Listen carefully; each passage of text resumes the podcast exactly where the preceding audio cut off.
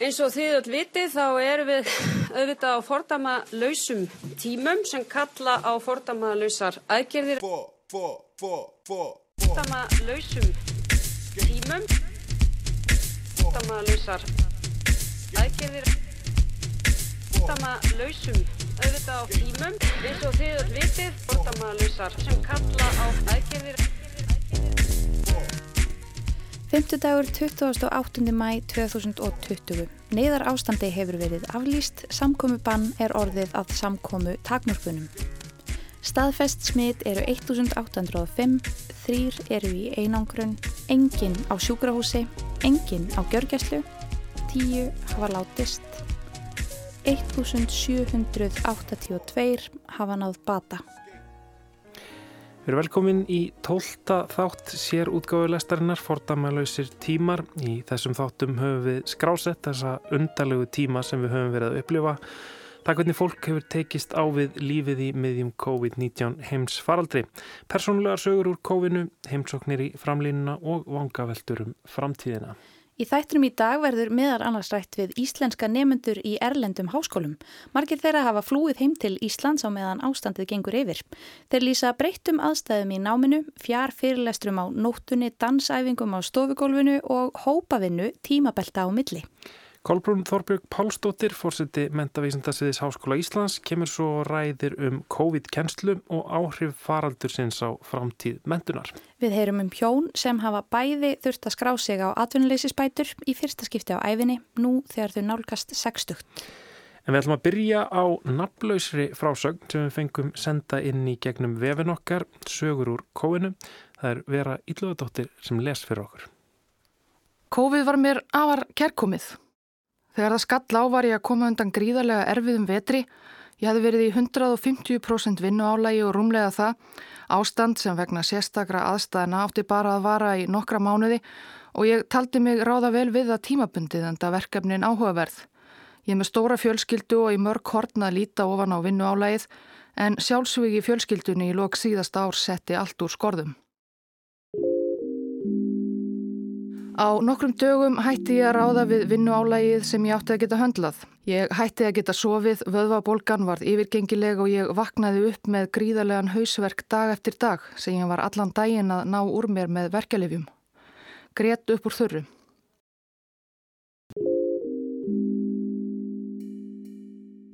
Í byrjun árs var ég hætti að geta sofið. Ég var farin að væla um að komast í hveragerði eða bara eitthvert í burt frá öllu. Ég fekk svo aðstóð við svefnin, lif frá lækninum eftir að ég náði mínum álagsbótni og var í hægri viðspyrnu þegar ég var skindilega sett í sóttkví í byrjun faraldusins. Mér fannst ég að hafa unnið í lottói. Vinnuveitendu mínir hafðu veitt álægi mínu aðtegli og sögðu ég ætti bara að reyna að slaka á. Ég þyrti ekki að vinna heima í sóttkvíni. Eftir að henni laug vann ég heima og í vinnunni til skiptis en vinnu álægi það er dottið mjög mikið niður. Ég leiði mér stundum að horfa á tvær bíómyndir í röð sem ég hef nánast aldrei haft tök á, hugaði að litlum hlutum og tiltækt á heimilinu sem ég hef ekki haft tíma til að sinna lengi og leiði mér ofta að gera ekkert. Tók til í nálabóksinu og fór í endalösar gönguferðir, sirði, hugleiti og hugaði að þakklætinu.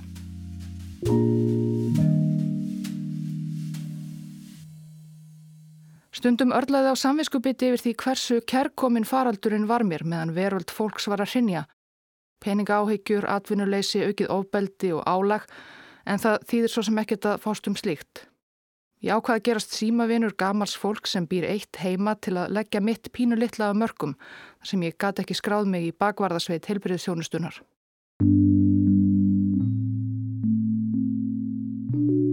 Þannig að ég mun í framtíðinni hugsa til kofsinn sem bjargaði andleiri helsuminni, fekk mig til að staldra við og njóta litlu hlutana.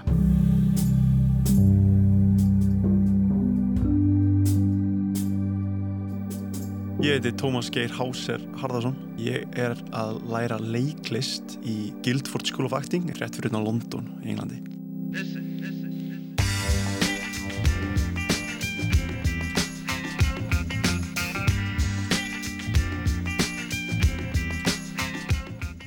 Ég var sem sagt búin að vera að eh, hugsa um að koma heim allan yfir páskana. Sérstaklega sem amma mín dó nokkrum vikum áður og þannig vildi ná jælaförunni en planum mitt var samt alltaf að fara aftur út til Breitlands þrejum vikum setna síðan líður, ég held ég, vika frá því því ég kom inn til Íslands aftur. Og þá kemur bara tilkynning frá ríkisvöldinni í Breitlandi að, að það sé búið að rauninni loka öllum skólum. Það var alltaf að tala um að ég myndi byrja aftur í loka april í skólanum. Og allt ótið myndi reynda úti sko. þannig að ég, ég kom eiginlega bara heim og pakkaði bara í þrjárvíku sko, fyrir þreggja vikna ferð sko.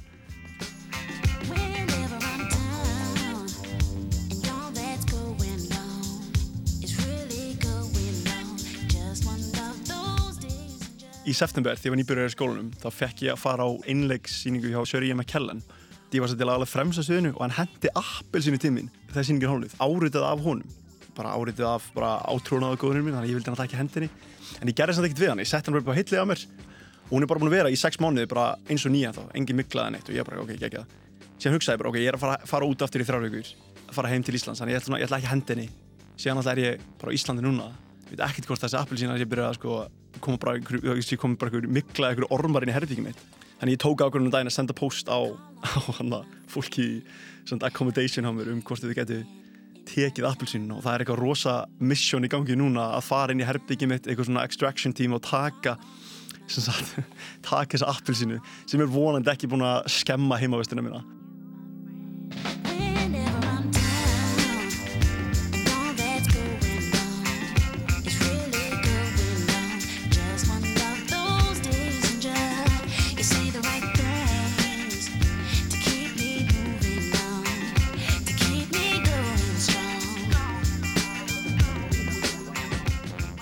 Ég heiti Birta Líf.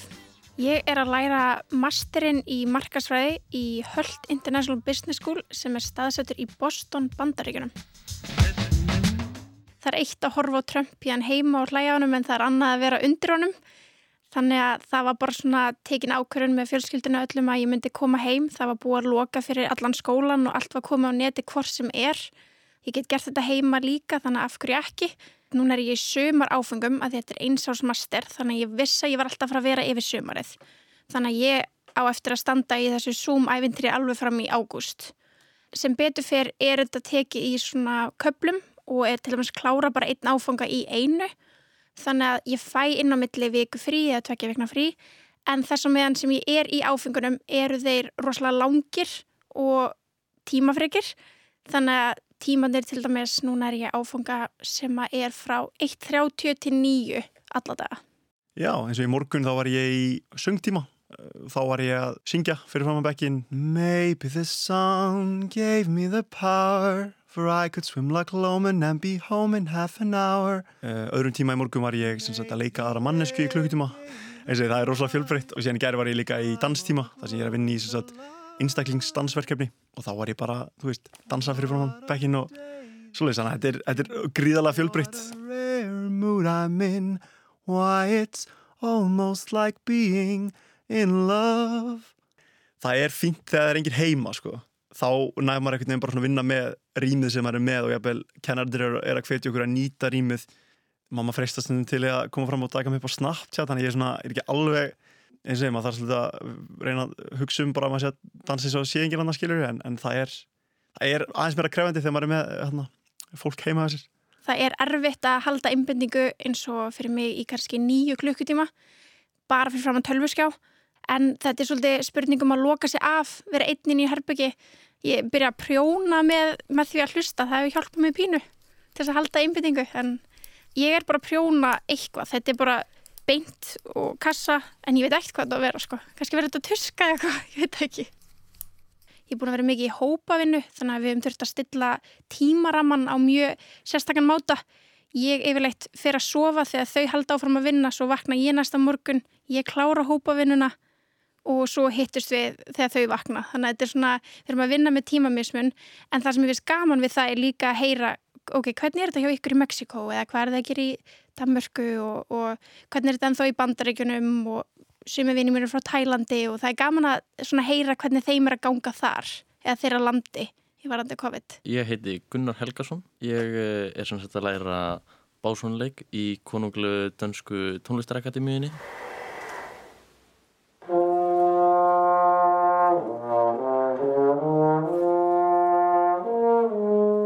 ég vildi alltaf spila á saxofón sko því ég var einna, að velja hljóðfæri sko en svo var það bara of mikið að saxofónleikurum í lúðarsveitin út af seltinu þessi þannig að ég ákvað bara, eða nei, ég var skikkaður frekar á básununa en svo finnst mér þetta svo gaman.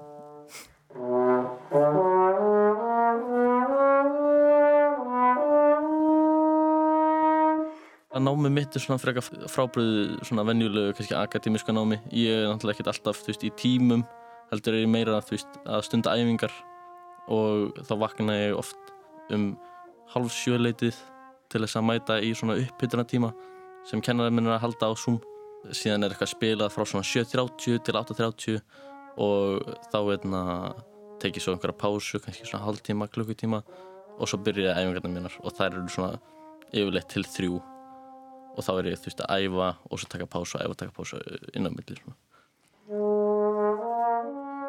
Þetta var svona satt uh, miklu betra enn ég bjóst við að æfa mig annar bara í setnarbygginu mínu. Uh, og mamma, mamma og pappa var svo sem megin alveg sama alveg lengi sko. En svo veitna, byrjaði uh, sýsti mín í prófum núna í vor. Þá þurfti ég svona aðeins að stíða bremsina með þetta og passa mig að vera ekki alveg að æfa mig að mikið og var. Og sérstaklega ekki þegar hún er náttúrulega í prófi og svona heimaprófi. Ég heiti Sessilega Freiriksdóttir. Ég er í námi í Suður Kóru við Háskólan Yonsei University og ég er að læra salfræði sem fer fram á kórusku í rauninni. 안녕하세요. 저는 세실라라고 입니다. 저는 아이슬란드 사람입니다. 저는 심리학과 학생 1학년입니다.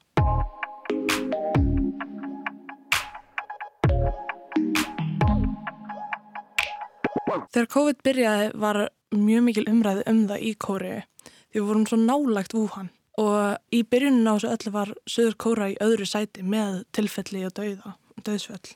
En við vorum rosa fljóta að taka á þessum. Ef þú varst með kórist símanúmer þá færðu live updates í síman sem voru bara að segja er, heyrðu, hérna var maður að finnast með COVID og það eru svona margir í dag, ef þú varst að fara þarna, passa þig þú fæst kannski 15 á dag bara alveg bara að segja þér og þetta reyndar ekki bara þegar COVID var það var alveg þegar bara smá vindur sko áður en þetta COVID-dæmi byrjaði.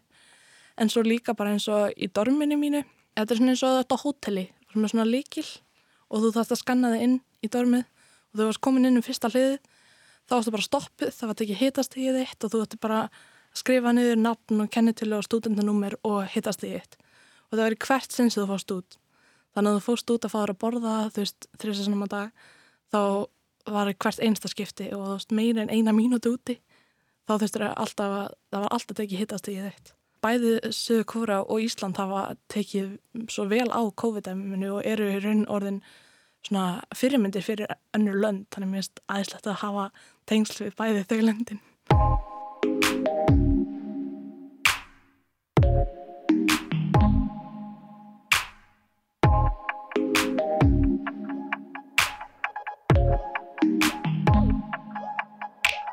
Ég heiti Tómas Þórsson. Ég er í mastersnámi í hönnun og ég er að læra í Central St. Martins í London.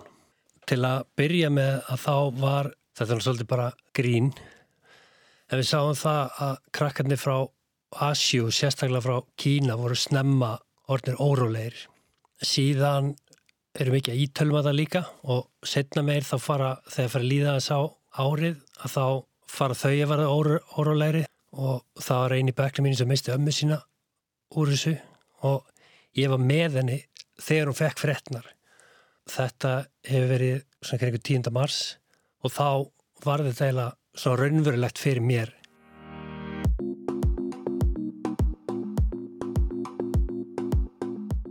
Alltaf onni fólki og nálat fólki, þannig að þetta var svona, veist, tilfinningi var svolítið, þetta var að fara að vera svolítið óþægilegt og það er alltaf svo þvíling forréttendi að vera Íslandingur að ég hugsaði bara með mér já, nú, ég verða spila þetta spil út núna og pantaði mér bara flög heim og, og kom ynga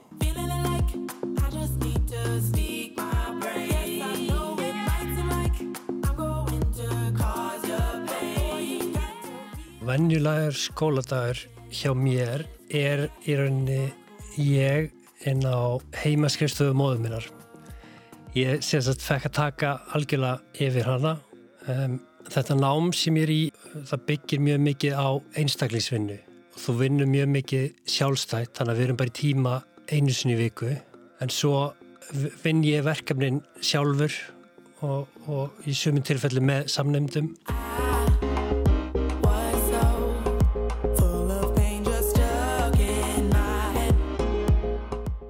Venjulegu skóladagur hjá mér byrjarinn á miðnætti.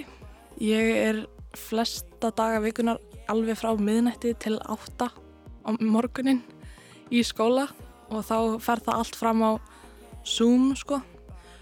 Og er þá vanalega bara eins og fyrirlestur með svona það sem að bara kennarinninni talar og maður er bara í bókinni.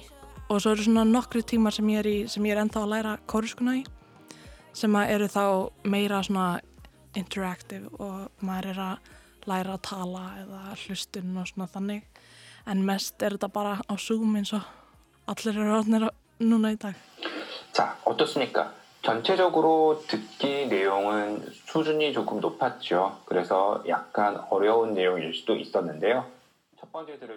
Að hafa skólan svona mikið á netinu og mikið á nóttinni var rauninni rosa erfitt þegar ég kom fyrst heima að aðlega stað. Ef ég er í gati þá hef ég alveg sofið yfir tíma ef ég sopna í mittiltíðinni en annars gengur þetta rosa vel.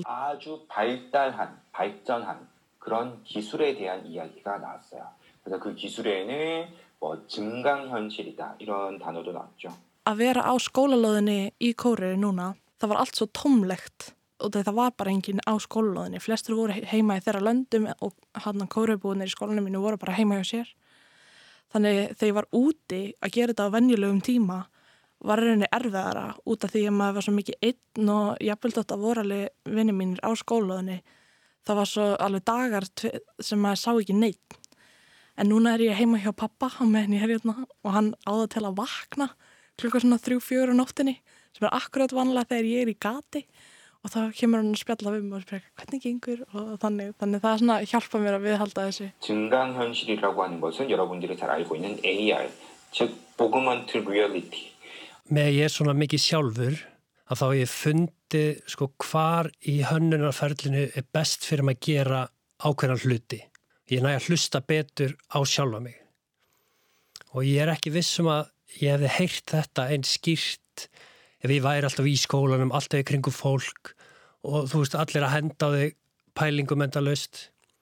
Núna er ég bara sé svona hvar ég er að slæta út af og hvernig ég get lagað. Þannig að ég er þakkláttu fyrir það en þá aftur á móti getur þú verið að gera vittlisur sem voru blindur fyrir. Education.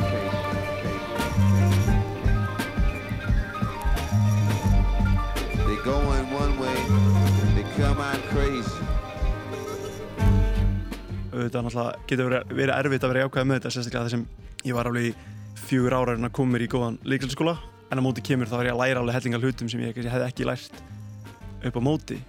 Um, og mér finnst miklu betur á Íslandi gegnum, gegnum þetta en heimsvaraldur heldur en nokkuð tíma Breitlandi af því ef ég var í Breitlandi þá var ég lokaður en að heimavistinu minni inn í herbygginu mínu sem er alveg fínt en það er eins og fangja sem maður herðar í einhvern laga tíma bara til þess að reynskilin þá líður mér ekkert alltaf vel með þetta því að þú veist, maður var búin að gera sér ráð fyrir að eiga ársævintýri eitthvað annar staðar og vera út í bandaríkunum þannig að maður er pínu að sirkja það að hafa mist þetta.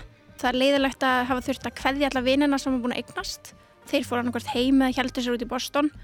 En þetta er bara svona að vinna. Maður þarf að, maður þarf að vinna í því þá að halda sambandi og maður þarf að reyna að heyri þeim reglulega og maður þarf að þannig að mér líður svona já, veist, það er gott að vera komin heim ekki miskila það, en það er leiðilegt að hafa mist af ævindiri sem maður búin að gera á fyrir.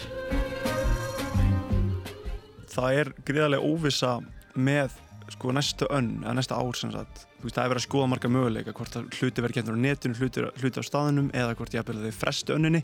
Það er óleiklegt að skólinn verið kentur eins og hann er kentur núna, þannig ég ger alveg ráð fyrir því að ég að fara aftur út í september. Eða vona það allavega.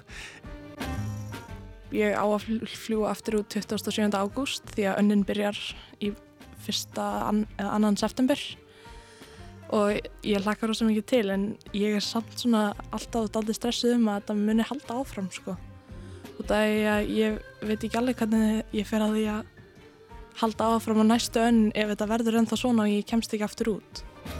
Ég held að þetta sé líka heilmikið tækifæri til þess að endur hugsa sumar hluti, hvað er gott og stert samfélag, hver er okkar gildi og hvernig ætlum við að veist, halda áfram í framhaldina þessu.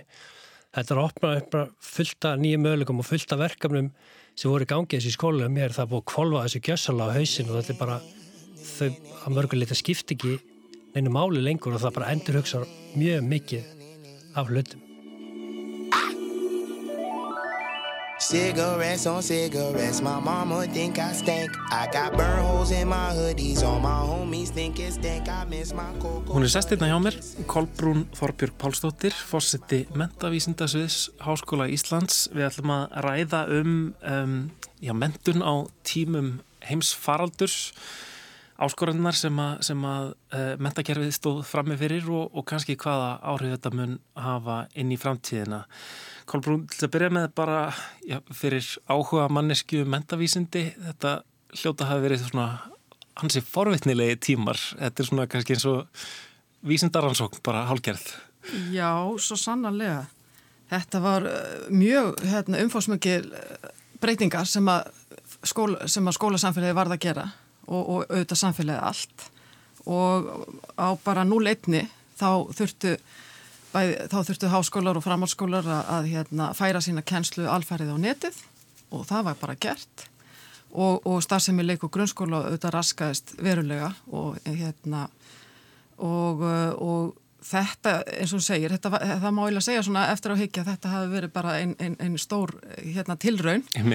Uh, ekki vasklasi en allur heimurinn undir allt heims samfélagið og, og hérna uh, alveg magnað hvað þetta virðist það að gengið vel og svona ef ég tala fyrir okkar í háskólanum að, að þá tókst bara með bara samstiltu átaki mm -hmm. stafsfólks og nefnda að, að láta hlutina ganga og það þurfti að endurhugsa allt skipulag og kjensla á allanir og námsmatt og uh, þarna bara á örfáum dögum og, og, og, og í raun og veru líka svolítið sko það sem ég er svolítið magnaði það, það er svona áföll eins og við lendum öll í það færa okkur öll einhvern veginn til að end, hugsa hlutunum á nýtt og það, það dregur svo skýrt fram hvað það er sem skiptur mestum máli fyrir okkur, bæðið sem samfélag og, og sem einstaklinga.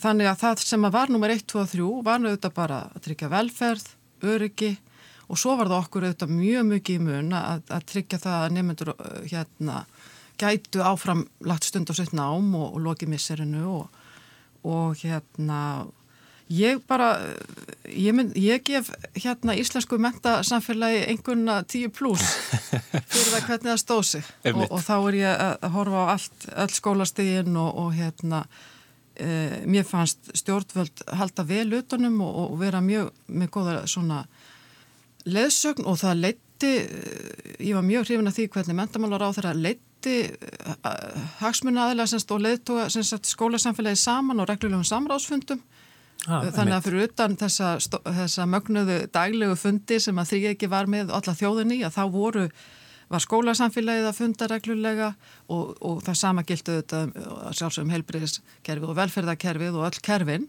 og svo var svo mikilvægt líka að, að þessi kerfi eru öll að tala saman. Einmitt. En það sem að við líka sjáum þegar svona, þannig að sko mér fannst afhjúpast og, og staðfestast bara hvað Íslands mentakerfi uh, er stert og hvað er sveianlegt og hvað við getum mikið gert. Mm -hmm. Ég mitt. Hvað hérna, sko, ef þú myndir bara svona, kannski farið yfir það, sko, hverjar voru svona helstu áskorðunar? Þetta, þetta, þetta, já, það, það breytir öllu að, að fólk sé ekki á sama stað. Mm. Þetta lítur að hafa rosa miklar afleðingar fyrir uh, skólakerfi þar sem við erum vöndi að vera bara... Já, og ég held kannski við um eftir að sjá ennþá betur hvað gekk vel og hvað gekk illa. Mm -hmm. Við erum núna að hérna bæði fræðarsamfélagið og fagsamfélagið er, er að rína í og sapna gögnum og í háskólunum erum við að senda út kannanir og til allra kennara og skólastjórnenda í grunn og framhalskólum, svo kannunum farin út og, og, og, og leikskólinn og frísnundastarfi líka. Sko áskorundnar eru náttúrulega held ég hafi verið mjög miklar fyrir marga. Og sérstaklega hefur þetta bitna verst á þeim sem að höllum fæti standa. Þeir, þeir sem að eiga, hafa eiga ekki jafnstart hengslanett hér á landinu uh, þeir sem er að klástu veikindi, sjúkdóma, fölluna, annars líkt og ég, ég veit að þetta sko skólinn og skóla, skólinn í okkar samfélagi, við talum leik og grunnskólana og auðvitað framhanskólana líka, e, eru kjölfesta, eru mjög mikilvæga stofnanir fyrir. Fjölskyldur, fyrir börn og, og hérna gegna svo miklu meira hlutverki heldur en bara fræðslu. Einmitt. Það er ekki bara, skólinn er ekki bara til að læra að lesa og skrifa og reikna, heldur er hann líka til að, að eflokkur sem manneskjur við, við hérna, þar eru er vinnirnir, félagstengslinn, uh, og líka bara styðja við þá sem að uh, kannski eiga broti bakland heima Einmitt. og ég hef grunum að, að hérna, margir hafa átt virkilega erfitt. Er kannski tildulega auðvelt að færa þessa sko miðlun upplýsinga fræðsluna eh, yfir á eh, stafrænt form en þetta er eitthvað sem er ekki svo auðvöldlega fært tangað. Nei, uh, sannlega ekki. Enga síður þá held ég líka að þetta var náttúrulega þarna voru við öll neitt til þess að hverfa á náðir hérna stafrænu tækni með allt og ekkert og, og, og það gekk svona, finnst mér svona, sem sagt, ég held að við höfum lært gríðarlega mikið á þessu og ég held að það séu kom, við séum hérna, við tókum bara þarna mjög stór skref uh, nú erum við til dæmis í háskólum lengi búin að vera að þróa og nýta hérna stafræna sagt, vef, vefnám, fjarnám og, og hérna uh, erum alltaf að ebla það. Hann er hérna en þarna voru allir þarna fóru við öll í neina stafræna heim og það bara gekk ótrúlega vel. Mér finnst bara þessi kerfi, þau bara, þau bara stóðu sig. Mm -hmm. og hérna og þetta skiptur þetta bæði varandi námið, eins og segir það er að færa ymsa miðlun og það er að gera námskökn aðgengileg og allt slíkt, en það er nefnilega líka hægt að eiga í og, og, og það er hægt að sest, vera með margskonar samfélög og samskipti á netinu. Og ég veit að margir kennarar hafa verið að þróa og er að nota sagt, miðlana þá líka til að styðja við skólastarf og það er ekki raunar æskilegt, heldur er það bara algjörlega nöðsilegt. Mm -hmm. Þannig ég held að við höfum öll bara stokkið þarna inn í þetta og, og séð þau, þeir sem ekki voru sannferðir fyrir, ég held þessi orðin sannferðir núna, við tókum eftir því að, hérna, að nefnundur okkar mættu betur í tíma, í þá tíma sem að nú voru skipulaðir alfarið á netinu og Zoom eða Teams eða öðrum fjárfundabúnaði uh, og hérna Já, þannig, mm -hmm. en svo veit maður líka og maður hefur heyrt af því að kennarar hafa sumir hverjir og þá nýja að tala kannski meirum í grunnskólanum og, og, og, og frammarskólanum ringt í nefnendur, ég menna það voru bara allar leiðir nýttar þannig að hérna, Einmitt. og ég er mjög spennt og kollega mínir og ég veit að, að, að það verður mjög lært og sýtt að sjá hvernig kennarar og skólastjórnundur hérna uh, lýsa þessum, þessum veruleika, þessum vikum þar sem að samkominbanni var þarna algjört og hvaða leiðir þeir nýttu. Við hefum eftir að, að, að fá mér betri sín á það en. Mitt, Þetta er örgulega sko, mjög mikilvægt að eiga svolítið svona samtal í kjölfarið á þessu að því að sko fólk hefur náttúrulega verið þurft að vera skapandi, hver og einn mhm. hefur bara þurft að mhm. finna sínar eigin leiðir. Það hefur ekki mhm. verið svona já, ein leið fyrir alla einhvern veginn. Það er mismöndi skólastig, mismöndi skólar og mismöndi nefnendur þannig að fólk hefur, fólk hefur eflust upp bara hvert, hver og einn kennari þurft að vera skapandi og hver og einn skólastjóri. Já, einmitt. Og, og hérna þetta líka, eh, mér er svona gaman að hugsa til það sko, við meðum ekki gleyma því að skólakerfið er í sjálf og sér ekkit uh, mjög gamalt svona skólakerfið eins og við þekkja á grunnskólinn og þú veist, leikskólinn verður til í, í lok 20. aldar í þeirri mynd sem að svona, hann er í dag og er ennþá að þróast en hérna þannig að sko fyrir hundra árum þá fór nú náma fræsla mestu fram á heimilum Einmitt. og foreldrar ábyrgir fyrir hérna, námið sína batna og farkjensla í sveitum. Og nú er ég svona að tala hérna um íslenska sögu, skólasögu. Og svo verður grunnskólan til svona með að 20 stöld, í dag er þetta svo sjálfgefið stofnun og okkur finnst þetta svo sjálfgefið. Við erum svo först í svona ákveðinu viðjum uh, þess samfélag sem við búum í og mun alveg upp í. En og hérna var allt í hennu bara nám og börn, bara allt í hún og fóreldrar bara komin heim og, og námið og skólinn einhvern veginn komin bara á eldursporði heima sem er náttúrulega hrikala áhugavert og, og, og örgla mikil prófraun fyrir margar fjölskyldur en ímislegt í ákvæmt líka Einmitt. sem hérna, hefur komið út úr því Einmitt. Sko, maður hefur séð ímiskonar já, spátdóma um hvernig um, þetta ástand mun breyta hinn og þessu í samfélaginu mm. og um, já, það eru margir sem velta fyrir sig hvernig þetta mun hafa áhrif á skólakerfið, hvort að mm. við munum sjá meiri nýtingutækni og, og þessa fjarkjænslu. Mm. Sumir eru svolítið uggandi yfir því að, að hérna, já, skólastjórnendur muni sjá fram á einhverja hægræðingu með þessu og, og, og kennarar bara séu hér og nemyndur þar. Heldur að þetta muni ít okkur einhvern veginn áfram í nýtingutækninar? Hvernig heldur að þetta muni hafa áhrif til fram, frambúðar? Ég held að þetta muni hafa áhrif til frambúðar en, en ég held að við verðum að standa vörðum það að það gerir það. Það er að segja að draga þann hagnýta lærdom uh, af þessu sem við mögulega getum og að við pössum okkur að fara ekki aftur alveg, við föllum svo í, í, við í vanans og hérna ég held að kennarar á öllum skólastugum séu þannig gerðir og nefnendur að þau vilja hittast. Og við viljum auðvitað sem allra mest vera með nefnendur okkur í húsi þó við séum líka með, með öflugt fjarnám. Uh, bara, þetta er mjög spennandi að, skoða vel hvernig við getum stutt og eld við nám með sem fjölbyrðsins leiðum og sem víðast í samfélaginu og sko ungt fólk það lifir, sko skólin er auðvitað bara eitt hluti af lífið þeirra og við hérna ungt fólk verður að fá að koma með svona sinn heim inn í skóla. Mm -hmm. og skólinn verður líka geta farið og tengt sér við það sem er fyrir utan hans veggi. Draga, þannig að sko e, það að, við, að það tókst að, að, að hérna já, ég, ég, ég hef mín tilfinning er svo að þetta hérna hafi allir jafna, við sjáum núna nú eru útskriftur framhalskólunum og bara frábært og, og, og útskriftur háskólunum eh, vendarlega og þetta er, þannig að sko okkur tókst þetta. Og fólki tókst að ljúka eh, námskeiðum og, og hérna og haldi þessu gangandi. Og auðvitað með öðrum hætti heldur en venjulega.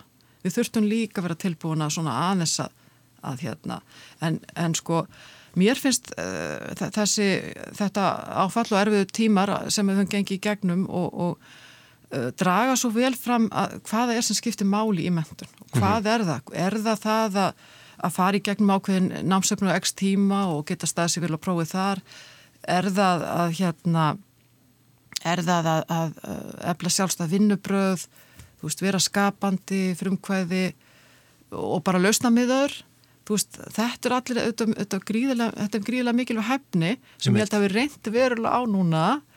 Og, og, og ég, mér finnst bara mjög mikilvægt að við, ég finn það strax í innan háskólans og hjá mínum kollegum að, að hérna, uh, það voru margir sem bara sjá, sem sagt, já, munu svo sannlega halda frá að nýta sér til dæmis þetta fjárfundina sem að sko, eins og ég segi við höfum verið að nýta í miklu mæli en, en, en uh, mismikið, sumur mm -hmm. meirinn aðrir En þetta mun ekki færast allarleið þangað, háskólinn er náttúrulega einhvers konar samfélag sem að vil, vil vera í sko. snertingu sko. Já, að svo sannlega en, en hérna Það eru mikil tækifæri fólkin í, í, í hérna fjarnámanu og sér stafrannu tækni og, og allt á flegi ferð mm -hmm.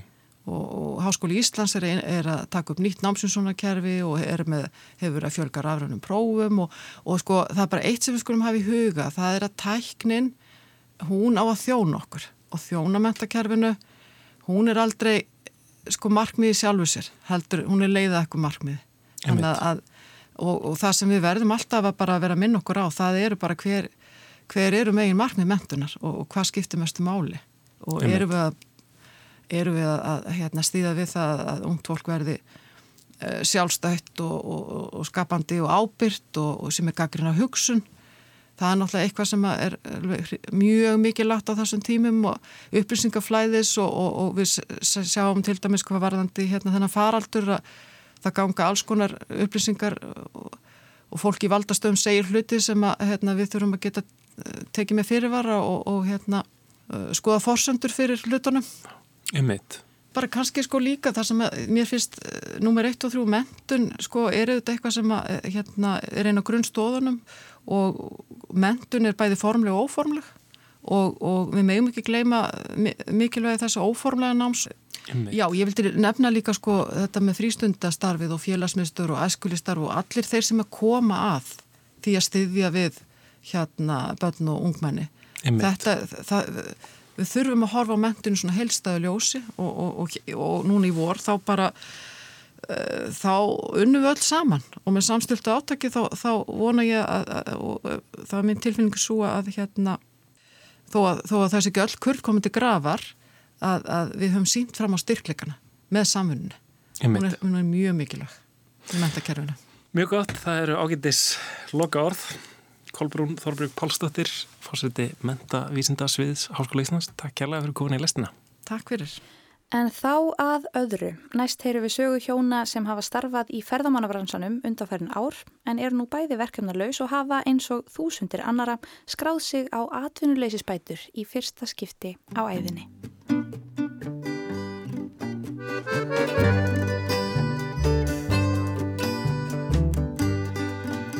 Ég held að geta enginn verið lesuðumar nema að hafa fyrir ástriði vegna þess að eh, starfið er, er sko, þetta, er þetta er miklu meira en bara að sitja í bíl og, og tala í mikrofón og segja frá hín og þessu menningu og, og, og jarðfræði og uh, maður þarf að vera leita í fólksins og fá fólki með sér í þetta og uh, til þess þarf ástriðið sko. Hoppa kátur út um dyrnar Við blasir heimurinn Þetta er Snorri Ingarsson Það hefur engin leifi til að vera í fílu í mínu hóp. Það, hef bara, það, það er bara þannig alveg frá upphafi. Það, er, það eru nokkri sem að, sem að hérna, leiðsveimenn sem eru kynst í gegnum tíðina sem hafa, sem hafa þá hérna, skólast út úr þessu sem er alltaf, er alltaf með leiðilega hópin. En það er ekkert soliðis til sem heitir leiðilegi hópurinn. Það er bara, sko, maður þarf að með þessari ástríðu að ná tökum á hópnum, lá, láta það finna að maður viti hvað maður er að gera sko.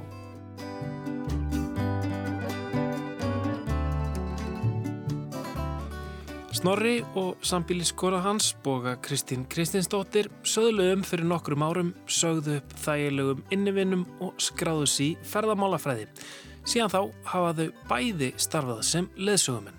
Já, við erum, við erum bæði, höfum bæði verið sko mikið að ferðast um Ísland og haft mikið áhuga á náttúru og, og menningu líka. Uh, og við ákvaðum að skella okkur saman í leysunám 2011 og kláruðum það voru 2012 og höfum verið að leysa það síðan.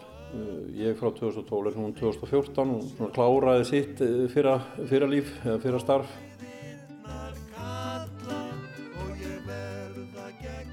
það var náttúrulega þúnt svona fyrsta veturinn en, en svo kom þessi hólskefla ferðamanna og, og uh, við verðum áþræðarlega vör við hana og, og nýttum okkur það og, og um, ákváðum fyrir 3-4 árum að, að, að kaupa okkur eigin bíl og höfum verið að gera út okkar, okkar eigin bíl líka og við erum sagt, eigum okkar eigin lítinn rekstur hún á sinn og ég á minn þannig að við hefum alveg haldið þessu aðskildu og við gerum út okkar, okkar bíla og, og, og leysum menn þannig að við aukuleysau við, við sittum og keirum og erum með mikrofón á, á, á höfðinu og, og segjum frá þannig.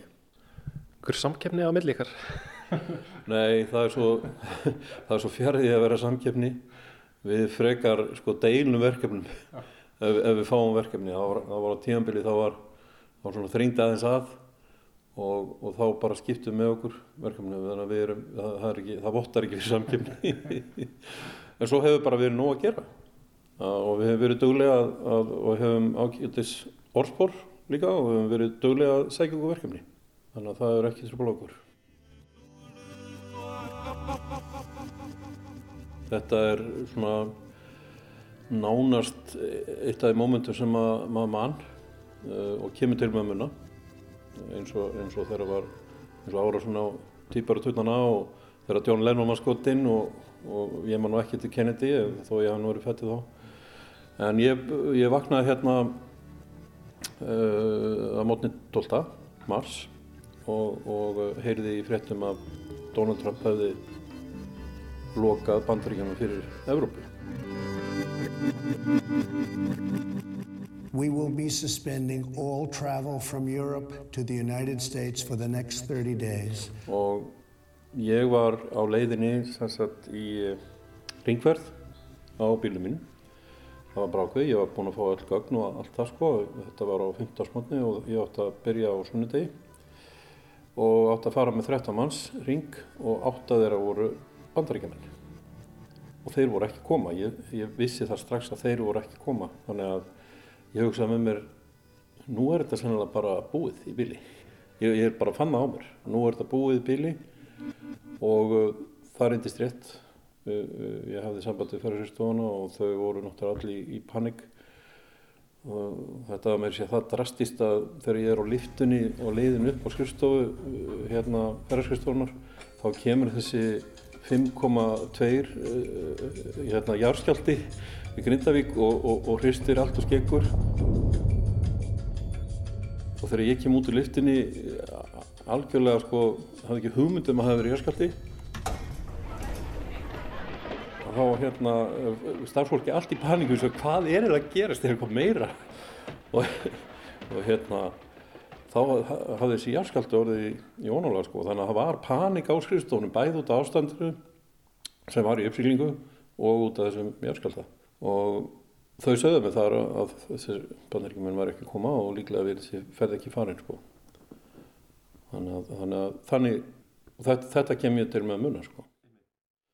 Við höfum verið í okkar svona vetrarfríi uh, sem við gerum alltaf svona mið, miðan vittur, janúar fram í februar og höfum verið alveg á fullu frá miðan februar og fram að þessum tíma og áttum að sagt, klára át mars og hefur apríl yfirleitt verið daufur þannig að það var ekki mikið sem, sem lág fyrir í apríl á þessum tíma en, en það var bara allt á fullu fram að þessu og það, sagt, það var engi fyrirvarið, það bara allt í hennu bara, bara var, var hérna, tilvörinu bara svift undan okkur uh, hérna vinnulega séð. Það er bara eins og hendi verið við var sko.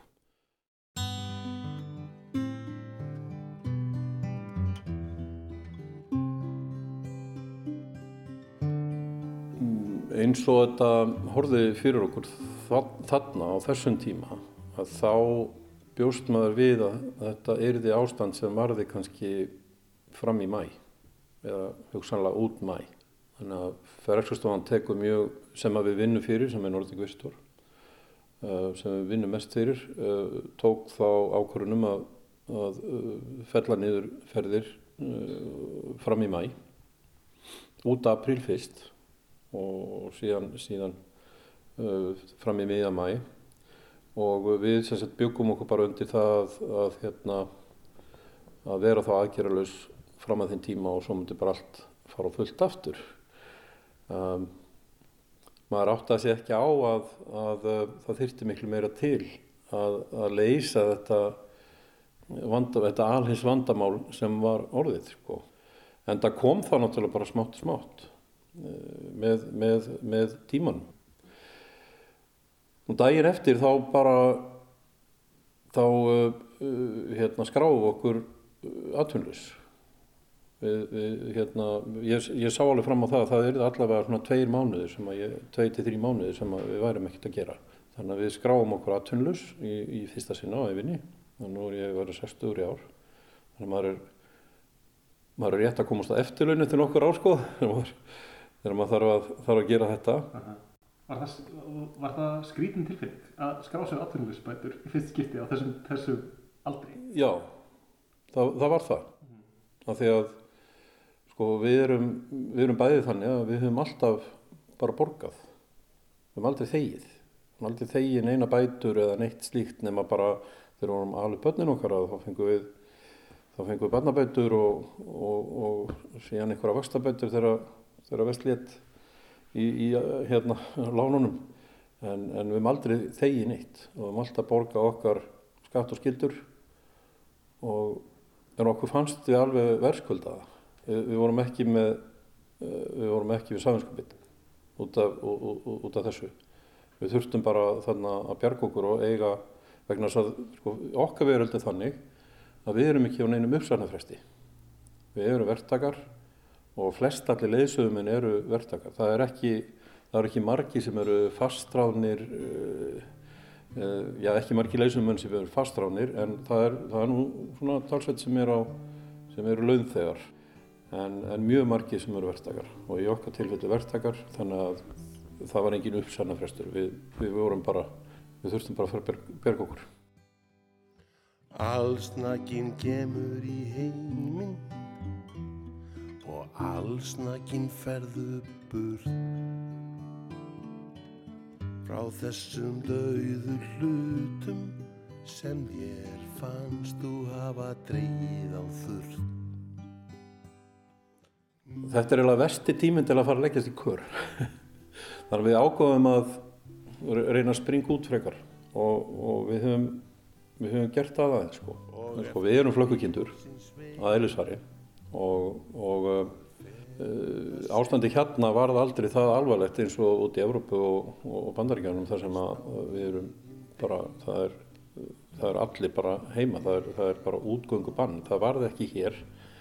Þannig að við hefum verið bara talsveit dögulega að flakka. Við höfum verið að ganga fjöll, við höfum verið, við höfum hérna, verið bara úti við, við erum mikið fuggla áhuga fólk og þetta er náttúrulega tíminn sem að fugglarnir er að koma og, og, og allt, allt að fara að stað. Við höfum verið dögulega bara hér að taka gungutúra hérna í nákvæmlega, það eru fíni gungustíðar hérna í Garabænum þannig að og, og við hefum rægt á okkur heima líka sko dó, bara dóttir okkar eða dóttir hennar, fórstu dóttir mín hún, hún var eignast barn í vettur og, og maður hennar er sjómaður þannig að hún hefur verið talsett einn og hún hefur verið hérna hjá okkur talsett mikið og hún býr okkur undan fyrir því og, og við höfum farið til hennar og verið að ganga þar líka eins og kringum kirkjufellið og og fleira. Þannig að við höfum notið þess að vera með þessu barnabarni sem er núna hálsás gammal strákur og bara mjög skemmtilegur.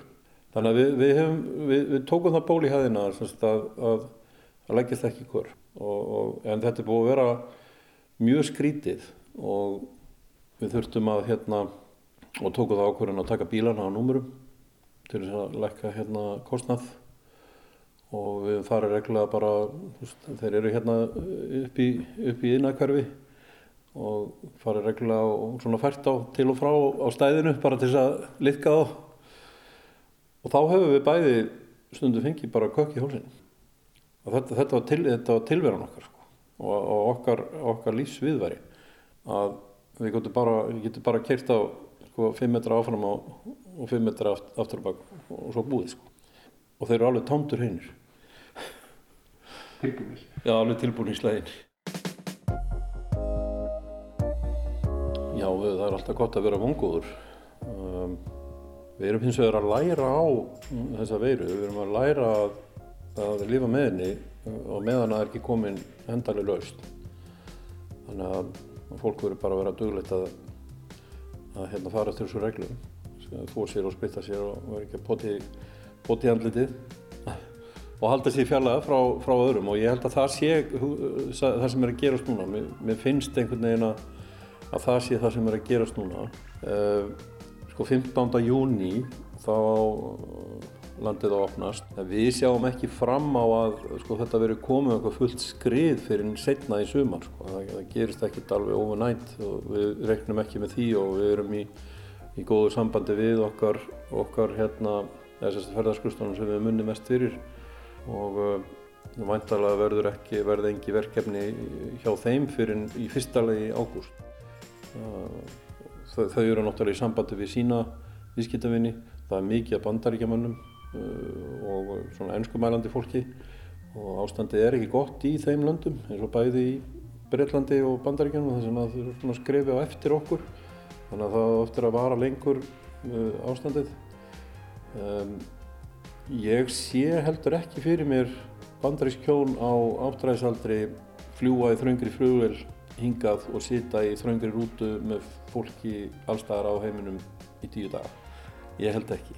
Þannig að ég, sko, það þarf eitthvað að gerast áður en að það fer að stað. Svo ég, við erum alveg bjarsinn en við reiknum ekki með að, að vera leiðsegja neitt eins og, eins og við höfum verið að gera fyrir en fyrsta veginn í vettur eða jafnvel ekki fyrir bara næsta vor. Sko. Við erum alveg búin undir það.